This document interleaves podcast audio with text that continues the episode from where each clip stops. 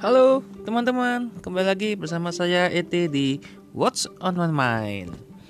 Nah, di kesempatan kali ini kita masuk di episode kelima 35 di yang akan rilis di 7 Juli jam 8.30 pagi. Ini merupakan bagian ke-13 dari karakteristik dan pola pikir inovator ET Talks. Nah, bagi teman-teman yang baru pertama kali mendengarkan podcast saya atau sudah sering sudah pernah mendengarkan pasti tahu nih di segmen awal kita akan bahas tentang review ya review di episode yang lalu di episode yang 34 bagian ke-12 yang sudah rilis 6 Juli jam 7.30 pagi. Nah teman-teman sambil saya akan mereview saya uh, bisa sarankan teman-teman untuk menyiapkan ballpoint, kertas dan camilan karena dalam satu jam ke depan saya akan menemani anda dalam uh, pembahasan yang mendetail yang dibawa yang akan saya bawakan secara santai namun serius. Oke, okay, tanpa menunggu lama-lama ya teman-teman, silakan sambil menyiapkan kertas saya akan mulai aja di review episode ke-34. 6 Juli jam 7.30 pagi. Bagian ke-12 dari karakteristik dan pola pikir inovator ET Talks. Definisi dan Contoh dari komponen BMC Business Model Canvas. Pendapatan uang yang diberikan pelanggan sebagai imbalan untuk produk atau jasa Anda. Misal, biaya yang dibayarkan pelanggan Anda atas layanan produk atau jasa yang Anda jual. Misalnya uang pembelian makanan yang disajikan di kafe Anda yang akan didapatkan dari hasil penjualan jasa cuci mobil Anda dan lain-lain. Visi barang uh, ini merupakan di komponen pertanyaan BMC. Barang atau jasa apa yang akan saya tawarkan? Bagaimana pelanggan target saya mendapat manfaat dari pembelian produk atau jasa saya? Jenis bisnis apa yang akan saya tawarkan dan mengapa? Apa fungsinya di masa depan bisnis Anda? Proposisi nilai, siapa pelanggan saya? Bagaimana saya bisa menjelaskan pelanggan yang menjadi target saya? Apa yang mereka inginkan, butuhkan? Barang atau jasa apa yang akan saya tawarkan. Pelanggan, bagaimana saya berinteraksi dengan pelanggan saya untuk mendapatkan kepercayaan, perhatian, dan loyalitas mereka. Siapa pelanggan saya? Oke, teman-teman, tadi itu merupakan review dari episode ke-34 di bagian yang ke-12 tetap di karakteristik dan pola pikir inovator. Oke, saya rasa teman-teman sudah menyiapkan ya ballpoint, kertas, dan cemilan. Kita akan masuk di episode ke-35. Bagian ke-13 dari karakteristik dan pola pikir inovator. ET Talks. Ya, halo teman-teman. Udah lama ya? Kayaknya baru sehari sih, udah lama. Sudah lama satu bulan ini saya menemani Anda dalam podcast saya What's on My Mind by ET. Nggak terasa ya, uh, saya tipikalnya emang konsisten untuk rilis setiap hari. Ini saya sudah rilis, sudah saya rekaman dalam dua bulan, eh dua minggu sebelumnya atau bahkan tiga minggu. Kayak sih bakal menyusul satu bulan berikutnya, satu bulan sebelumnya ini. Nggak apa-apa, bagi Anda yang mendengarkan saya pertama kali atau sudah pernah mendengarkan saya, terima kasih banyak ya atas dukungan Anda apa pun itu yang Anda lakukan, entah itu like, entah itu komen, subscribe, share, follow, atau apa pun itu di medsos saya. Terima kasih banyak ya atas uh, partisipasinya Anda mau bersedia untuk mendengarkan saya selama satu jam di setiap episodenya. Saya harap Anda nggak bosen ya dengerin suara saya. Karena saya sendiri kalau menggunakan suara-suara yang di awal di bagian review itu cukup berat. Nggak akan mungkin saya bisa menyampaikan itu selama satu jam. Bakal uh, terganggu nih masih masalah tenggorokan saya kalau ngomong seperti itu terus. Jadi itu, itu suara saya teman-teman ya bagi penasaran ya. Itu saya tidak ada orang lain, saya masih monolog, saya pakai suara saya sendiri. saya berkreasi aja lah saya untuk warna suara yang lain atau uh, yang bentuk lain personal lain saya belum bisa ciptakan ya karena saya harus uh, ini ya uh, melakukan riset lagi nih untuk pembelajaran suara-suara yang bisa diterima gitu ya masyarakat. Takutnya nanti saya terlalu banyak eksperimen malah nggak didengerin suaranya. Kalau saya ngomongin kayak gini mungkin kalau kecepatan juga ya saya tipenya visual ya teman-teman ya. Orang-orang visual tuh rata-rata kalau ngomong cepat jadi mereka sudah langsung catat gitu.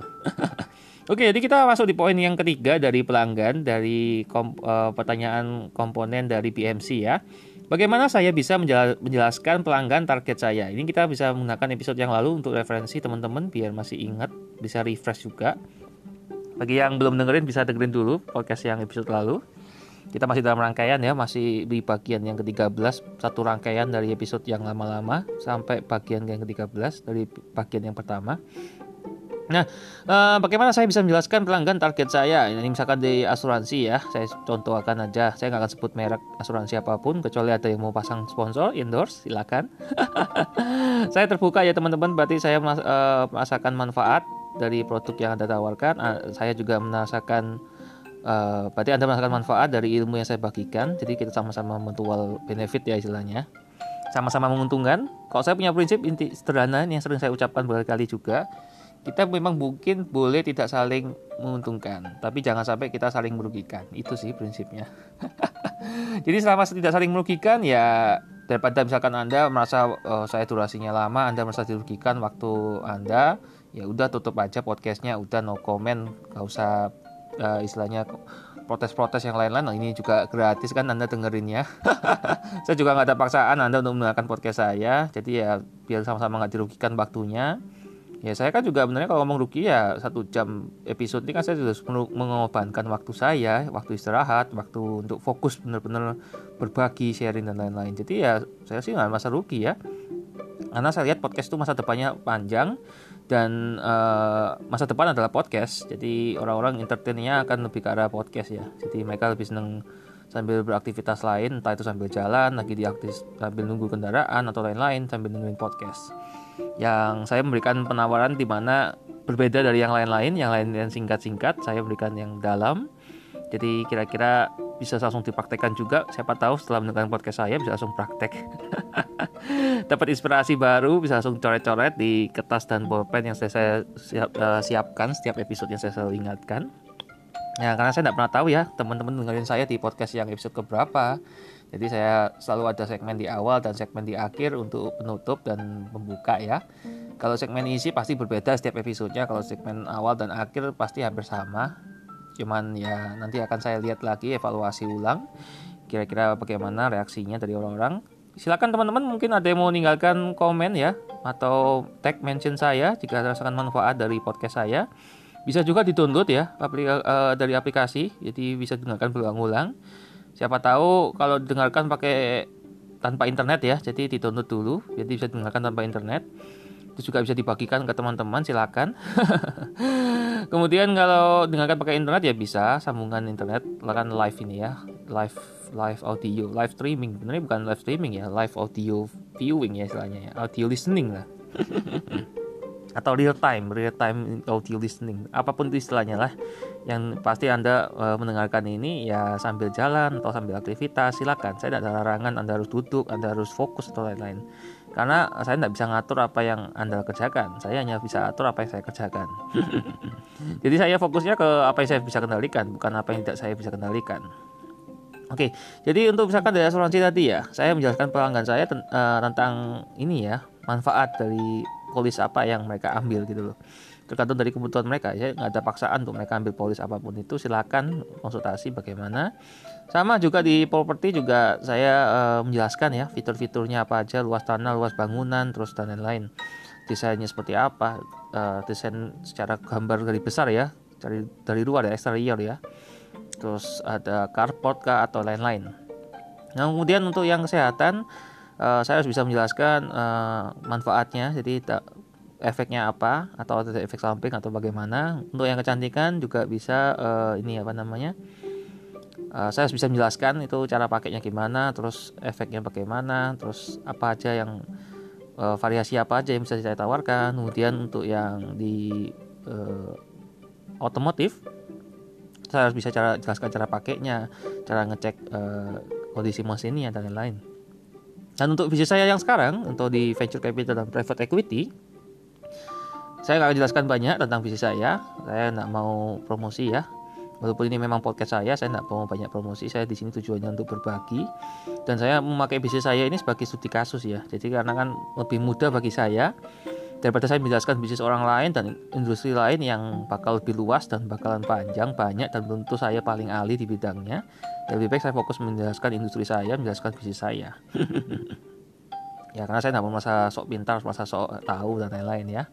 Jadi eh, kalau untuk pelanggan saya di bisnis saya yang sekarang ini ya saya jelaskan bahwa manfaatnya apa bergabung dengan kami ditanai kami manfaatnya apa positifnya apa negatifnya apa ya saya ceritakan semua gitu loh. Selama mereka tanya ya saya ceritakan semua nanti ada sesi tanya jawab saya jawab semua ini gitu.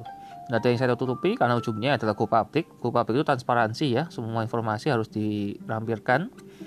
Terus juga harus ada izin-izin yang harus dilengkapi dan lain-lain ya. Intinya lengkap dari hulu ke hilir semua.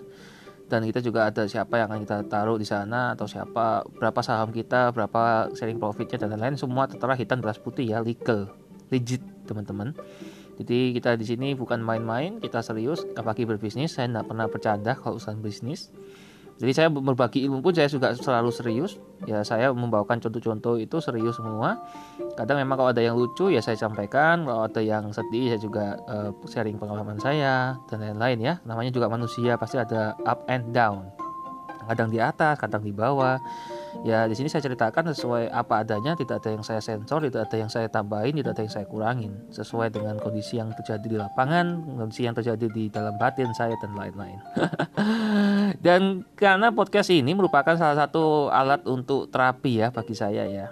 Karena kan biar nggak stres-stres berat ya saya pernah mengalami masalah-masalah batin ya pastinya saya punya saya belajar ilmu banyak tapi kalau nggak bisa dipakein percuma ya. Akhirnya saya kan terapi diri sendiri. Saya self healing saya terapi menulis saya terapi membaca. Ya saya terapi ini di berbicara. Ini juga mengobati kangen saya. Udah lama nggak banyak berbagi di kelas online dan offline karena terlalu banyak jadwal di bisnis saya Tapi bagi teman-teman yang mau ngundang saya di kelas online atau kelas offline silakan. Bisa hubungi saya di medsos saya ya yang akan saya sampaikan di akhir episode. Di situ akan saya arahkan ke manajemen saya untuk Anda bisa mikir, uh, atur jadwal dengan manajemen saya. Dan juga bisa nego sendiri untuk masalah red card dan harga yang lain-lain ya. Dan kalau saya sih sederhana teman-teman, pokoknya intinya saya untuk akomodasi ditanggung, kemudian ada uang saku untuk selama di sana dan kemudian ya fasilitas yang ada selama perjalanan dari dari Surabaya khususnya ke kota Anda atau ke ke kampung kabupaten atau apa pun itu ya. Ya intinya fasilitas semua disediakan makan ditanggung ya terus tidur juga disediakan mau ngisi berapa lama durasinya terus topik apa ya silakan disesuaikan. Selama saya bisa saya akan bagikan. Kalau saya topik yang saya tidak kuasai lebih baik saya tidak bawakan. Karena saya tidak mau membawakan sesuatu yang tidak saya kuasai. Oke? Jadi bisa dipahami ya teman-teman ya. Tujuan saya memang berbagi. Saya suka sharing ilmu. Saya suka uh, memberikan sesuatu insight-insight baru bagi orang dari sisi pandang yang berbeda gitu ya dari sisi kreatif dari sisi inovasi karena cukup jarang atau memang ada yang bahas cuman nggak terlalu banyak dibandingkan ilmu mainstream mainstream lainnya Oke, okay, saya lanjut aja ya. Biasanya bisa dipahami ya teman-teman ya. Cara menjelaskan tentang pelanggan saya itu tergantung dari market saya siapa. Karena market saya banyak teman-teman. B2B dan B2G semua industri bisa masuk semua government bisa masuk. Entah itu lokal entah itu nasional entah itu negara. Bahkan negara lain pun juga bisa gitu loh. Tergantung dari siapa yang kita hadapin gitu loh ya. Siapa yang di negosiasi sama kita ya. Nah, teman-teman kalau ingin tahu siapa aja yang kita temuin ya bisa hubungi uh, bisa lihat di medsos saya ya di situ saya share semua apa adanya, tidak ada yang saya tutupi, tidak ada yang saya rahasiakan, semua Anda bisa lihat gitu. Nah kemudian apa yang mereka butuhkan? Nah ini kita benernya harus fokusnya ke pelanggan ya teman-teman, jangan fokus ke diri sendiri. Makanya kalau misalkan di asuransi ya itu mereka anda tahu, jangan anda memaksakan apa yang anda butuhkan karena itu komisinya paling tinggi misalkan, komisinya paling besar bagi anda, bagi anda seorang agent ya, tolong tolong dikondisikan ya. Fokus ke pelanggan bukan fokus ke agent atau fokus ke penjual ya itu kadang jadi salah salah adalah salah fokus. Salfok galfok gagal fokus salah fokus ya. Nah itu tadi.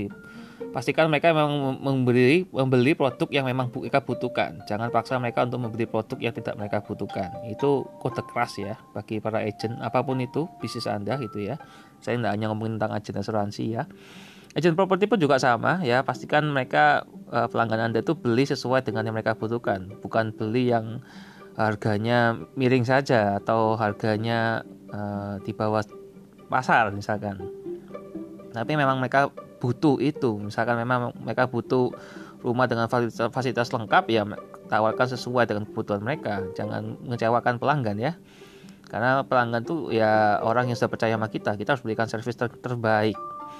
Nah itu arti untuk properti untuk kesehatan juga sama. Ya mereka butuh sehat sehat mata ya tawarkan mata aja. Sudah jangan aneh-aneh jangan tawarkan uh, untuk yang lain-lain ya.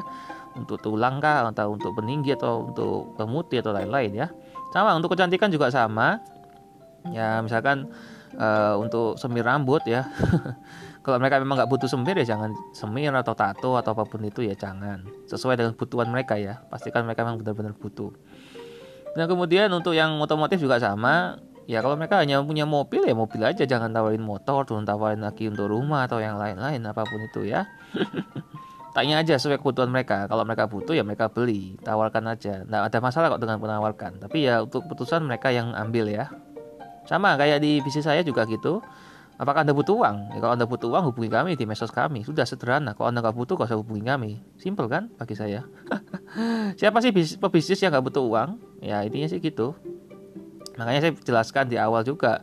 Apakah Anda butuh uang? Anda butuh modal usaha? Apakah Anda butuh untuk go public? Ya, kalau Anda butuh hubungi kami atau nanti saya akan uh, alihkan, saya akan teruskan ke partner saya, tim saya. Karena saya lebih fokus ke berbagi ya, edukasi dan untuk masalah bisnis operasional ada partner saya yang sudah terampil di sana, udah spesialis di sana, yang emang fokus di sana. Oke, okay, saya lanjut. Hubungan dengan pelanggan. Bagaimana saya menyampaikan informasi barang atau jasa saya kepada pelanggan? Nah, ini teman-teman bisa bantu jawab. Bagi yang punya cara strategi yang unik, tips dan trik, silakan bisa tag dan mention saya di medsos saya yang uh, saya akan sebutkan di akhir episode ya. Di situ kita bisa interaksi, kita bisa saling bisa saling melengkapi apa yang perlu ditingkatkan, apa yang kurang, apa yang bisa dirubah variabelnya atau uh, persentasenya ya. Dan kita kan tujuannya kan pasti profit ya. Presentasi profitnya berapa kan gitu. Nah itu uh, kalau saya uh, cara saya menyampaikan informasi barang atau jasa kepada pelanggan, jikalau hadapan berhadapan secara langsung ya one on one, ya berarti saya akan membawa toolkit atau membawa me, ini ya presentasi ya. Saya akan menggunakan handphone saya, gadget saya untuk menjelaskan presentasi saya, slide, ini sih itu ya. Atau ya tergantung kebutuhan ya. Saya akan dengerin mereka kira-kira mereka butuhnya apa. Ya saya jawab tanya jawab Q&A gitu ya. Atau kalau saya on stage ya selling on stage gitu ya berarti saya akan perform ya di atas panggung. Saya jualan produk saya atau jasa saya. Nah atau apa pun tuh medianya teman-teman ya kalau saya paling banyak itu menggunakan media sosial ya. Kenapa ya? Karena semua orang sekarang berada di media sosial. Tidak ada orang yang tidak menggunakan media sosial. Memang ada sih beberapa artis-artis ya yang toko-toko yang memang tidak menggunakan media sosial karena mereka memang tidak butuh itu tapi kan mereka tetap butuh untuk public relation jadi ada beberapa tim yang memang fokus untuk menar uh, ini ya apa namanya merespon uh, feedback dari masyarakat atau dari orang lain sesuai dengan target marketnya mereka. Nah kalau saya sendiri uh, misalkan Facebook menggunakan Facebook page, Facebook group, LinkedIn page, LinkedIn group, terus Twitter, Telegram, Telegram group, ada Telegram pribadi juga ada juga line line ad line group uh, line square WA WA group WA broadcast WA status IG IG story IG feed IG TV YouTube YouTube channel podcast yang bisa didengar di berbagai macam live streaming dan lain-lain ya. Itu cara saya menyampaikan informasi barang atau jasa yang saya uh, jual. Misalkan di asuransi ya saya menunjukkan kredibilitas saya dalam uh, menjual asuransi. Siapa aja yang saya temuin, siapa aja yang saya bantu, siapa saja yang saya bantu proses klaimnya, siapa saja yang saya bantu untuk memberikan pelayanan terbaik ya, konsultasi uh, polis. Kemudian kalau di properti saya juga uh, saya di misalkan di pameran gitu ya, atau saya open house. Open house terus uh, apa lagi ya? Banyak lah uh, teman-teman atau apa namanya? Customer gathering. Nah itu contohnya. Ini cara saya menyampaikan informasi bisa lewat perusahaan langsung developer atau saya menjelaskan uh, barang atau jasa ya ini. Terus kalau di kesehatan saya bisa ngadain seminar. Entah itu seminar harian mingguan bulanan online atau offline. Bisa home meeting bisa gathering gitu ya ngumpul-ngumpul seminar presentasi prospek ya. Namanya itu uh, apa ya kok saya sudah lupa ini. Pokoknya intinya kumpul lah setiap minggu lah seminggu sekali minimal. Entah itu offline atau online. Kalau sekarang zaman zaman corona pasti semua berubah ke online ya. Banyak yang shifting ke online semua.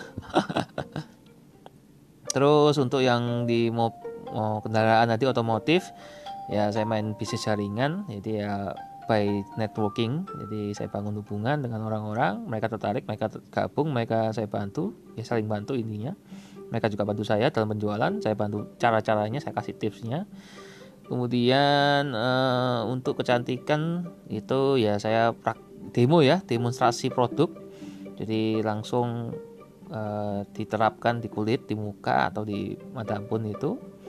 Nah, terus kalau itu yang sekarang di bisnis saya ya saya banyak ini kreasinya. Satunya ya di podcast ini saya juga sedikit promosi ya. Saya padanya saya jujur ya. Cuma saya tidak akan ceritakan semua lengkap karena kalau lengkap itu butuh durasi yang panjang 12 jam. Dan anda belum tentu mengerti apa yang saya lakukan. Itu bakalan dapat proses yang lebih banyak gitu loh. Dan nggak semua orang akan dengarkan itu. Lebih baik saya fokus yang umum-umum aja yang kira-kira dibahas sama orang. Kecuali memang ada yang request untuk episode khusus membahas bisnis saya ya akan saya bawakan itu ya. Selama nggak ada request ya saya mendingan nggak nggak bawakan dulu. Itu nanti tergantung dari masyarakat aja yang mendengar lah bagi anda pendengar misalkan anda tertarik ya memang anda merequest khusus episode untuk membahas bisnis saya akan saya buat. Karena saya masih fokus dulu untuk membahas ebook saya ada 14 ini kayaknya baru 5 atau berapa atau 6 ya saya kurang tahu karena saya lompat-lompat saya bagi berbagai season ya berbagai season. Season satu membahas tentang bikin podcast bagaimana. Season kedua tentang bisnis jaringan. Bisnis season ketiga bisnis konvensional. Di mana episode ke depan atau topik yang ke depan itu adalah pembahasan terakhir di sesi season ketiga gitu ya. Bahkan kita akan masuk ke season yang keempat Cara saya dalam menentukan season dan episode juga cukup menarik bagi saya karena saya berbeda dengan yang lain. Jadi season baru tidak di episode yang baru saya lanjutkan episodenya. Jadi diurut dari episode awal pertama kali rekaman juga untuk dalam saya untuk mudah dalam catatan dalam tracking gitu ya. karena saya tidak tahu dari seasonnya satu seasonnya berapa episode jadi lebih baik saya urus dari awal dan saya bagi season berdasarkan topik pembahasan. Jadi begitu ya teman-teman bagi yang penasaran ya tanya kan itu kenapa Pak nomor cara penamaannya seperti ini mengurutannya seperti ini? Ya itu saya jelaskan ya. Pokoknya ini saya ingin jadi orang yang paling unik paling beda dalam apa pun itu. Itu ya saya dipahami ya. Sekarang berikutnya poinnya adalah bagaimana pelanggan mengetahui barang atau jasa saya Nah, di sini saya uh, lebih baik menggunakan organik ya teman-teman ya, karena ini kan jangka panjang. Saya kurang suka menggunakan traffic atau paid traffic, bukan karena saya tidak mau bayar ya, tapi uh, menurut saya nggak semua orang ngerti apa yang saya lakukan. Daripada saya promosi terus nggak efektif juga, bukan masalah boncosnya, tapi masalah uh, target marketnya. Dan kebetulan tim saya sudah cukup kebanyakan ini. Setiap harinya banyak orang yang sudah menghubungi gitu loh. Jadi kita harus fokus yang sudah menghubungi duluan, antri duluan, first come first serve ya. Karena setiap harinya dari pagi sampai malam selalu ada orang baru. Jadi kita benar tidak mencari, mereka yang cari kita. Jadi hanya sedikit sharing-sharing aja. Jadi bagi anda-anda yang butuh ya silakan hubungi partner saya yang akan saya share di medsos saya gitu loh. Langsung aja hubungi beliau ada dua orang. Saya nggak akan sebut namanya di sini karena saya tidak mau promosi ya. Nah rata-rata mereka mengetahui ya dari postingan saya ya. Dari saya emang sudah bikin custom tulisan ya selama satu bulan sebelumnya saya sudah tulis. Satu untuk materi untuk berbagi setiap harinya gitu ya. Saya selalu berusaha untuk menulis setiap hari dan berbagi setiap hari posting setiap hari. Satu itu emang sharing full ilmu benar-benar daging.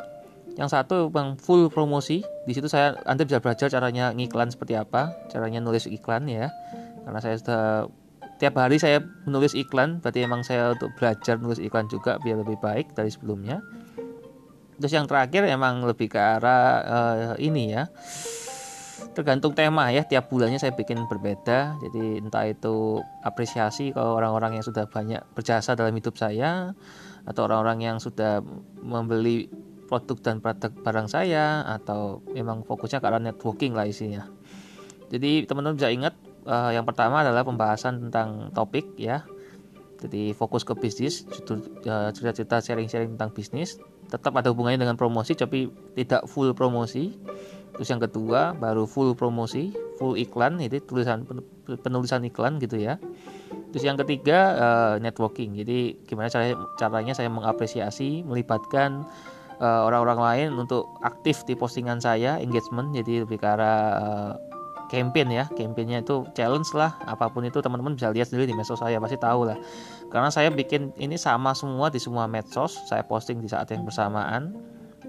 Nah itu uh, apa namanya untuk market terbaik saat ini masih di LinkedIn ya bagi saya sendiri. Karena setiap harinya selalu ada yang DM saya, selalu ada yang tanya, selalu ada yang masuk ke WA juga dan ke semua medsos saya. Terima kasih banyak ya. Ini uh, bagi pendengar podcast saya mungkin belum masuk, tapi yang tidak mendengarkan podcast saya sudah banyak yang masuk ya karena mungkin sudah terkoneksi duluan di medsos saya. jangan bersedih, jangan uh, berduka atau apa pun itu perasaan Anda anda tetap bisa berkoneksi dengan saya di medsos apa pun itu, silakan hubungi. yang akan saya sampaikan di akhir episode ya. Cuman eh, karena terbatasnya koneksi, kadang di LinkedIn hanya 30 ribu, saya harus benar-benar selektif. Mohon maaf. Anda harus pastikan bahwa eh, profil Anda itu selengkap-lengkapnya, sedetail-detailnya ya. Kemudian juga Anda juga memberikan custom message bagi saya ya. Jangan asal nge-add. Kasih dulu keterangan Anda dapat informasi dari mana, misalkan anda kenal teman saya terus anda dapat info dari postingan teman saya lah anda sebut aja namanya di private ya private message ya jangan di komen kemudian uh, ya anda emang tujuan anda koneksi dengan saya apa apa yang saya bisa bantu ya kasih tahu saya ya. Intinya itu kemudian kalau di Facebook hanya 5000 ya. Saya sudah sering 5000 sudah sering saya mohon maaf saya harus unfriend ya. Karena setiap uh, saya unfriend setiap 100 orang ya. Jadi ketika sudah full saya akan unfriend 100 orang yang nggak pernah aktif di medsos saya. Mohon maaf ya bagi yang pernah berteman dengan saya di medsos. Bukan saya tidak suka dengan anda atau anda uh, bukan teman saya tapi ya karena mohon maaf keterbatasan medsos ya. Follow masih bisa ya kalau di Facebook juga masih bisa follow. Di IG bisa follow unlimited. Di Twitter juga kayaknya unlimited saya kurang tahu karena saya masih sedikit kalau di Twitter. Postingan saya juga dikit uh, saya memang posting di semua medsos sama bersamaan. Kemudian di telegram juga masih sekitar 160an ada peningkatan terima kasih bagi yang follow saya. Lain juga udah sekitar cukup banyak dari 5 ribuan uh, 50 ribu. Berapa ya kurang tahu saya. Saya nggak update karena hanya untuk keluarga dan teman dekat. Seru-seruan itu ya intinya buat uh, hiburan lah. Kalau kita fokus terus pekerjaan terus ya capek teman-teman. Kita butuh hiburan lah. Kita harus koneksi sama orang-orang dekat kita juga di WA juga satu setiap hari minimal ada satu orang yang mendengar uh, lihat postingan saya satu saya. Terima kasih banyak ya atas waktu dan kesempatannya. Berapapun itu sangat berharga. Entah anda benar-benar fokus melihat atau anda loop atau anda apa pun itu yang anda lakukan. Di IG ya fit juga adalah puluhan nama ratusan orang lah kalau sehari-hari yang lihat story saya lihat IGTV saya yang lihat feed saya. Kebetulan saya ada dua akun akun bisnis dan akun pribadi yang akun pribadi sendiri saya adminnya kalau di akun bisnis ada dua teman partner saya. Kemudian untuk di YouTube saya tidak terlalu aktif ya. Saya postingan terakhir kayak tiga bulan yang lalu. Karena saya cukup jarang ngambil tik video ya. Bukan saya tidak mau bukan saya tidak nggak ada waktu. Ya memang karena bukan sarana saya aja ya. Karena saya lagi work from home ya. Jadi bagi teman-teman saya rekaman ini di masa-masa pandemi ya. Jadi terakhir saya aktif di luar itu tiga bulan yang lalu ketika masih belum ada corona masuk di Indonesia di Surabaya khususnya. Masih sering keliaran saya masih sering bertemu sama orang orang baru. Setiap hari saya ketemu orang baru. Nah di situ saya live record ya terus saya upload. Karena di work from home saya sudah nggak ketemu orang ya saya kan ketemu orang hanya lewat video apa gunanya saya uh, record ya memori juga terbatas. Nah kalau live kan enak bisa di cloud jadi bisa di download bisa di download bisa di share bisa di watch party dan lain-lain. Apalagi ya uh, ini saya share semua teman-teman. Yang saya tutupi saya bongkar semua rahasia saya Loh pak kok nggak apa-apa pak dibongkar semua? Kan kita nggak bayar. Ya nggak apa-apa teman-teman. Hitung-hitung ini bagi-bagi ya. Kalau ada informasi yang bermanfaat teman-teman mau bagikan ke teman yang lain kan saya juga dapat manfaatnya ya kan? Berarti saya pesan saya tersampaikan. Saya ingin berbagi saya ingin uh, banyak orang yang tahu banyak orang yang uh, belajar dari saya. Intinya sih itu. Jadi di sini adalah platform saya untuk berbagi bukan platform saya untuk jualan ya di platform yang lain memang untuk jualan. Kalau ini memang bukan untuk jualan. Karena saya inginnya ini marketnya lebih umum ya. Orang-orang awam pun bisa dengarkan. Jadi saya selalu menggunakan bahasa yang mudah dimengerti bahasa yang mudah dicerna bahasa yang orang-orang bisa paham. Jadi saya menggunakan istilah juga yang sangat mudah gitu ya jadi itu di poin yang bagaimana pelanggan mengetahui barang atau jasa saya. Cukup jelas ya. Kalau ada yang pertanyaan bisa di tag atau mention saya. Bisa juga tinggalkan di kolom komen itu ya atau tinggalkan pesan di aplikasi apa pun itu Anda mendengarkan podcast saya. Nah kemudian bagaimana saya berinteraksi dengan pelanggan saya? Nah ini saya kalau di podcast kan tidak bisa berinteraksi ya, makanya saya arahkan ke interaksi ke medsos yang lain. di situ Anda bisa like, Anda bisa komen juga, Anda juga boleh share, Anda juga boleh DM saya, message saya ya kebetulan emang rata-rata saya pegang sendiri ya akun saya ya. Tapi kalau emang saya lagi benar-benar padat jadwalnya ada admin saya manajemen saya yang pegang akun saya. Ya biar responnya cepat gitu loh. Kalau saya yang pegang nanti responnya lambat karena saya sedang beraktivitas ya. Dan nggak semua aktivitas saya bisa tampilkan. Kenapa? Ya karena kan ada orang yang nggak mau ditampilkan di di di media di tampilan saya gitu ya di medsos saya. Ya saya menghargai privasinya orang ya Nah, itu berarti berinteraksi ya dengan dengan mudah kok. Di YouTube Anda bisa tinggalkan komen. Anda bisa like juga. Anda nggak suka ya bisa dislike, silakan. Nah, kemudian kalau di medsos apa pun itu bisa Twitter bisa retweet, bisa reply tweet. Di LinkedIn juga bisa like, komen, bisa share juga, bisa DM di IG, di Twitter, Telegram bisa message.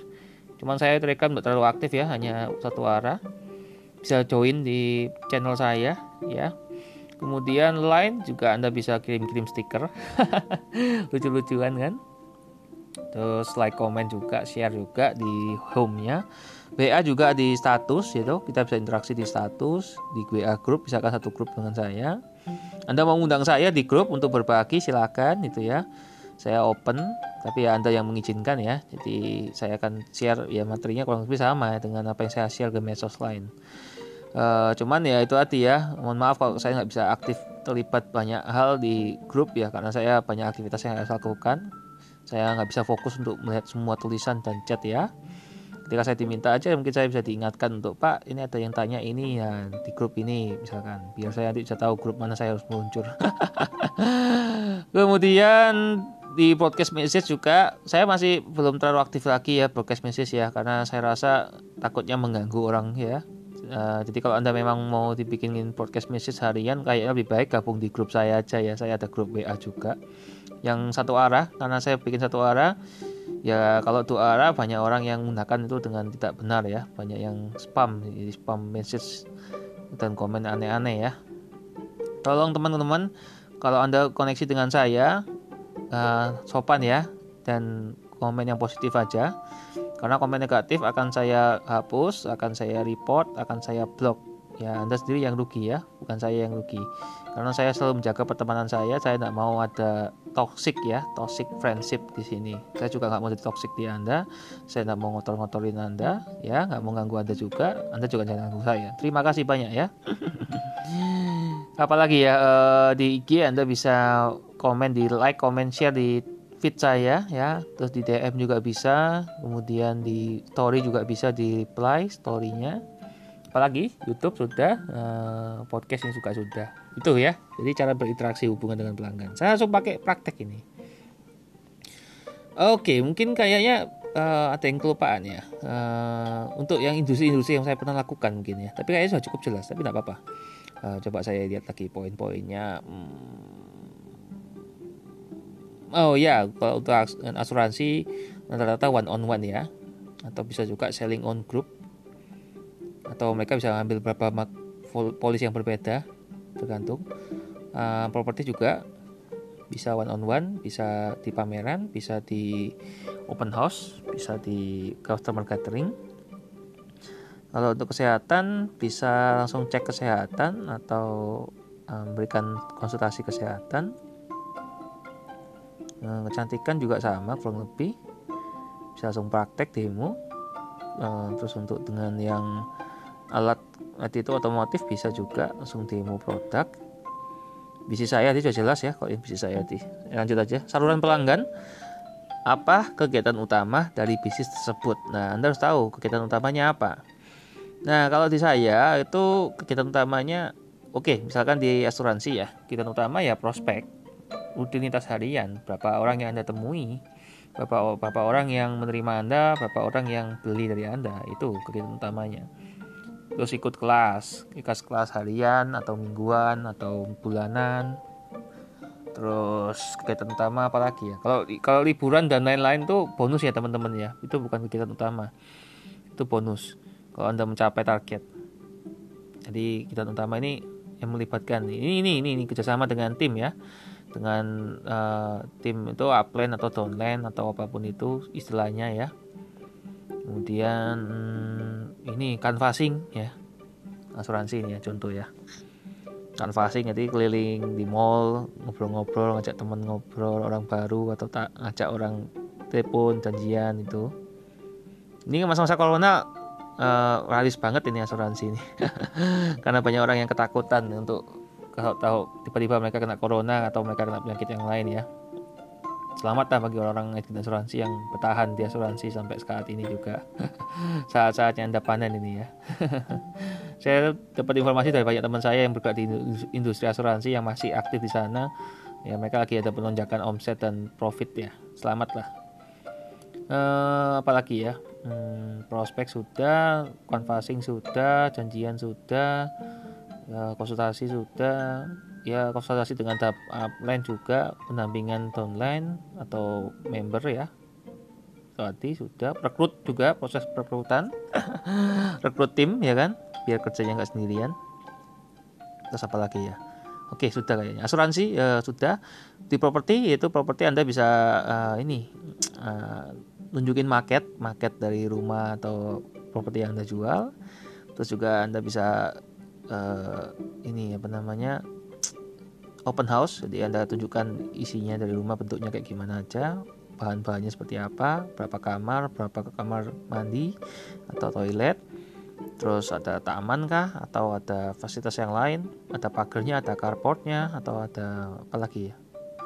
Uh, aktivitas apa lagi ya? Hmm, janjian ya janjian sama klien di lokasi on the spot atau walk in jadi nunggu di tempat uh, properti yang dijual standby gitu cari ada pelanggan yang masuk misalkan yang iseng-iseng tanya-tanya gitu. Nah apalagi ya? Uh terlalu luas teman-teman. Nanti nggak apa-apa lah ya ceritain pengalaman saya aja ya. Saya nggak akan ceritakan yang saya nggak alami jadi biar nggak terlalu luas juga ter terlalu melebar. Properti properti hmm, oh ini uh, survei harga pasar ya. Kita cek harga sekitar berapa. Terus uh, cek harga tanah juga selain harga bangunan. Oh legalitas sertifikat tanah sertifikatnya HGB kah atau SHM atau masih surat hijau atau lain-lain ya. Apalagi ya? Hmm, properti cukup luas soalnya. Ya ini kegunaannya untuk komersil kah? Atau untuk user pribadi gunaan pribadi kos-kosan kah? Apalagi ya? Hmm, udah kayak kesehatan. Kalau kesehatan ya konsultasi kesehatan. Terus prospek presentasi harian bulanan atau ya on atau role play ya atau apa pun itu aktivitasnya nah, yang penting ya uh, ini juga demo ya demo produk terus juga setting goal dan lain-lain. Umum lah kalau itu training. Kecantikan juga kalau lebih sama. Demo produk terus ya itu tadi. Di otomotif juga kurang lebih sama. Kegiatan utama ya langsung praktek di lapangan dicobain produknya. Kita khasiatnya langsung beli ya kalau enggak ya tunggu dulu atau coba dulu berapa hari gitu terus kalau di posisi saya sekarang ya ini ah, kegiatan utama saya berbagi ilmu ya jadi saya sharing ilmu tentang bisnis, tentang entrepreneurship, tentang uh, wirausaha, tentang apa pun itu istilahnya ya. yang tujuannya adalah untuk membantu Anda untuk bisa berpikir lebih luas, bisnis apa yang bisa go public, bisnis apa yang bisa menguntungkan, bisnis Anda yang bisa jalan ini gitu ya. Saya berbagi ilmu yang saya punya, ya tujuannya juga biar Anda juga bisa memenuhi target dari apa yang kita harapkan kan. Jadi nggak ada nothing tulus lah bagi saya lah bagi ilmu itu merupakan uh, amanah bagi saya atau istilahnya saya jadi berkat bagi orang lain. Di sini pun saya juga tidak berharap banyak ada yang mendengarkan. Jadi sampai saat ini di podcast saya belum ada yang mendengarkan ya, karena saya ingatkan lagi belum saya promokan. Nanti pun kalau sudah promo juga belum ada yang mendengarkan juga bagi saya tidak masalah karena ini masih abadi bagi saya. Satu saat mungkin ada yang mendengarkan terus ada yang benar-benar suka mau dimasukin di TV, di radio, di apa pun tuh channelnya itu terserah mereka.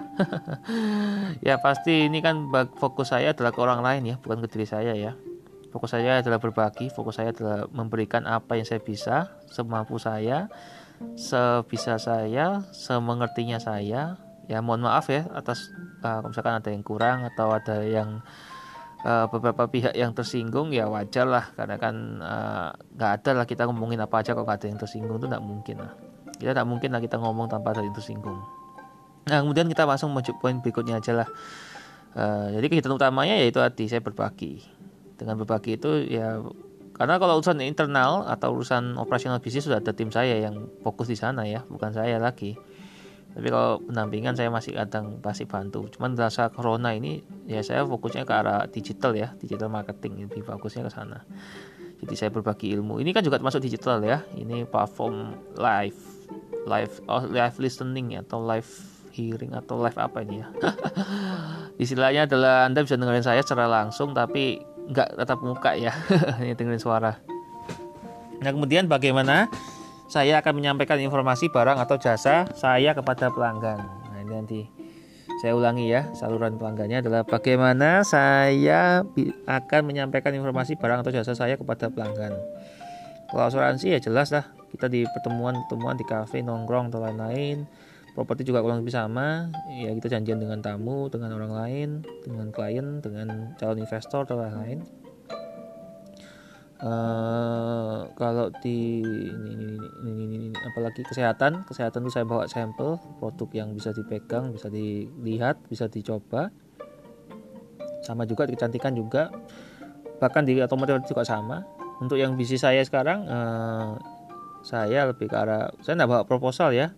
Saya hanya presentasi. Kalau korespondensi ada surat menyurat jadi dari pusat ada partner saya yang bantu. Terima kasih banyak partner saya jadi untuk urusan internal itu semua partner saya, untuk eksternal juga partner saya. Saya hanya fokusnya untuk di top level management. Saya memberikan advice, saya memberikan uh, wejangan-wejangan, eagle eye. Jadi saya lihat secara bukan saya di atas ya, bukan uh, seperti komisaris. Jadi peran saya bicara komisaris.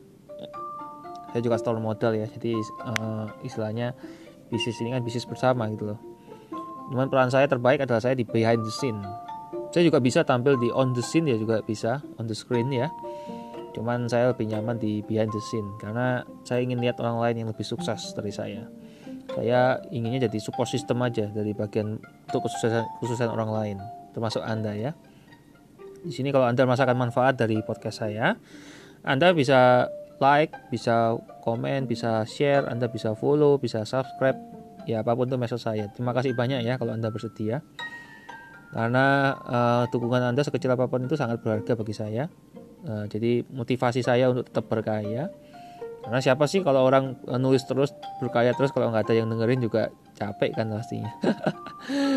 Intinya saya fokus dulu untuk menyelesaikan semua ebook saya. Jadi setelah itu saya akan lihat lagi, saya akan lihat insight-nya, apakah ada yang mendengarkan atau atau cukup itu dulu atau nanti ada request topik. Ya intinya saya akan bereksplorasi lah entah dengan bermain dengan durasi, entah bermain dengan topik pembahasan, entah itu bermain dengan channel penyampaian podcast saya bisa dengarkan di mana saja. Itu nanti akan saya uh, evaluasi setelah saya menyampaikan semua ebook saya ya. Karena saya tidak suka kalau kerja itu setengah-setengah jadi harus tuntas selesai semua kalau saya prediksi awal itu 45 episode ya tapi setelah saya lihat ini kayaknya bisa sampai 100 episode ini hanya untuk bahas ebook saya ini ebook saya yang paling banyak uh, halamannya. Jadi makanya bagiannya sampai bagian ke-13 ini pun juga juga nggak tahu nih apakah merupakan bagian yang terakhir karena ini sudah masuk menit ke-45 saya coba percepat aja ya. Jadi bisa dipahami ya bagaimana pelanggan mengetahui barang atau jasa saya. Itu tadi dari postingan saya teman-teman bisa tahu. Dari video saya menjelaskan. Saya menjelaskan secara live nggak ada yang disensor nggak ada yang ditutupi nggak ada yang dirahasiakan. Semua pertanyaan dan uh, apa yang saya sampaikan bisa didengarkan secara langsung. Itu tadi. Jadi itu salah satu fitur kelebihan saya dari situ. Nggak ada yang saya poles ya semua apa adanya. Kemudian kegiatan kunci. Apa bahan, kemudian peralatan, perlengkapan, dan orang-orang yang saya butuhkan untuk melakukan bisnis ini. Coba saya ulangi ya. Apa bahan, peralatan, perlengkapan, dan orang-orang yang saya butuhkan untuk melakukan bisnis ini. Contoh eh, di asuransi misalkan, bahannya apa? Ya sales kit ya. Ini kan ada alat untuk presentasi. Entah itu gadget entah itu uh, modul atau apa pun itu ya. Ilustrasi juga bisa bikin tuh kan. Sekarang canggih zamannya. Kalau dulu kan saya harus pakai uh, harus balik-balik bolak-balik ke kantor untuk bikin ilustrasi. Kalau sekarang kan gadget sudah bisa itu tinggal input data aja nah, kemudian peralatan seperti yang saya sampaikan tadi itu ada untuk input data underwriting dan apa pun itu teknis ya untuk asuransi khususnya. Jadi juga bisa lihat uh, bentuk dari polisnya seperti apa terus e-polis juga yang masuk ke elektronik ya masuk ke email kemudian juga uh, apa aja perjanjiannya yang di dalam peralatannya kemudian uh, kartu misalkan kartu untuk kartu untuk asuransi ya kartu untuk rumah sakit misalkan. Itu kan peralatan ya jadi kan customer bisa nyaman lihat kartu itu kan bisa ingat juga uh, bahwa dia punya asuransi. Jadi mereka masa aman gitu. Apalagi ya hmm, banyak teman-teman. Saya kebetulan sudah lama nggak berkecimpung di industri ini ya. Jadi saya nggak lihat nggak update lah secara langsung inside view. Saya yang lihat dari luar dari beberapa teman saya yang masih aktif di sana. Di properti eh, eh si, si, si, si, si, belum belum belum. Pelengkapan pelengkapan untuk asuransi kayaknya ya pakaian rapi eh, bersih gitu ya. Dasi ya, sepatu sepatu bisnis. Ya terus laptop atau gadget. Itu sih. Sekarang zaman canggih kok. Kita nggak harus kertas-kertas kayak dulu. Kalau dulu agent-agent tuh uh, lekat dengan kertas-kertas polis-polis ya. Bagi orang-orang agent-agent lama pasti paham maksud saya. Kalau yang baru-baru kayaknya nggak paham maksudnya apa pak nah orang-orang yang saya butuhkan untuk melakukan bisnis ini ya pasti pasti butuhnya leader ya. Leader itu pimpinan yang mentor ya. Yang bisa ngasih arahan ngasih petua ngasih uh, guide dan lain-lain. Motivasi juga perlu ya. Cuma kalau saya motivasi paling perlu dari, dari diri sendiri. Kemudian ya pastinya butuh pelanggan ya. Butuh orang yang beli polis. Kemudian uh, butuh juga uh, support system ya jadi dari perusahaan jadi training training itu juga termasuk orang-orang yang saya butuhkan ya trainer trainer dari perusahaan asuransinya. Entah itu secara produk atau entah itu secara penjualan dan lain-lain ya motivasi pun juga termasuk. Kemudian ini rekonisi ya untuk memberikan apresiasi itu tetap dibutuhkan orang-orang yang diapresiasi pencapaiannya entah itu harian, bulanan atau tahunan. Bisa liburan keluar kota, liburan keluar negeri, liburan ke planet lain mungkin. Kalau saya kayaknya nggak tertarik deh liburan ke luar negeri. Saya ke planet lain saya saya tertarik ini. Gimana saya mau eksplorasi di luar bumi itu seperti apa? Kalau di luar negeri sudah bosan lah udah cukup. Saya tidak pernah pamer apa yang saya uh, lakukan di luar negeri. Cukup orang saya sendiri yang tahu. Kemudian uh, apa ya? Hmm, ini underwriter juga yang bantu untuk proses underwriting dan administrasi itu anda butuhkan ya. Untuk penerbitan polis untuk anda pengecekan polis atau untuk ujian AACI anda butuh kan izin uh, surat izin untuk menjual asuransi istilahnya. Surat izin menjual SIM surat izin menjual. Apalagi ya kayaknya cukup ya biar nggak terlalu mendetail nanti. Kesannya saya ahli banget di asuransi. Enggak lah saya cuman ada pengalaman aja. Nah kemudian di properti bahan ya nanti bisa dilihat. Mungkin bisa mengerti dari spek-speknya seperti apa. Entah terbuat dari bahan apa batu apa batu bata apa marble atau apa pun itu ya besi baja atau tipe 36 tipe berapa itu ya berapa kamar berapa luas bangunan luas tanah itu di bahannya ya. Kemudian uh, price list ya price list juga perlu. Kemudian brosur ya kan kita bagikan brosur uh, kartu nama. Jadi sama juga asuransi jadi juga bisa kartu nama. Apalagi ya hmm, properti. Aduh saya berusaha ingat-ingat lagi sudah cukup lama saya tidak aktif di industri yang lain ini dua tahun terakhir saya memang fokus di industri saya ini industri keuangan. Jadi saya uh, cukup lupa ya karena kan tidak intens. Kalau inget intens pasti ingat. Apalagi ya uh, bahan-bahan di properti. Brosur kartu nama sudah. PK jadi ikuti kelas. Ini aja peralatan peralatan ya kendaraan ya. Kita harus punya kendaraan untuk bisa uh, survei lokasi dan lain-lain terus perlengkapan juga hmm, perlengkapan nih ya apa ya? Kurang lebih sama lah ya orang-orang yang saya butuhkan ya pasti klien ya terus leader juga sama tim juga tim penjualan. Terus dari developer juga uh, memberikan gimmick-gimmick yang menarik untuk pelanggan pembeli gitu ya. Jadi untuk tidak ada penundaan pembelian. Kemudian uh, orang yang terampil yang bisa bantu misalkan kita bawa tamu walk in. Kemudian untuk negosiasi harga entah itu negosiasi pembayaran ya. Bisa dicicil berapa kali entah itu KPR atau uh, dibayar full lunas atau ada potongan atau gimana.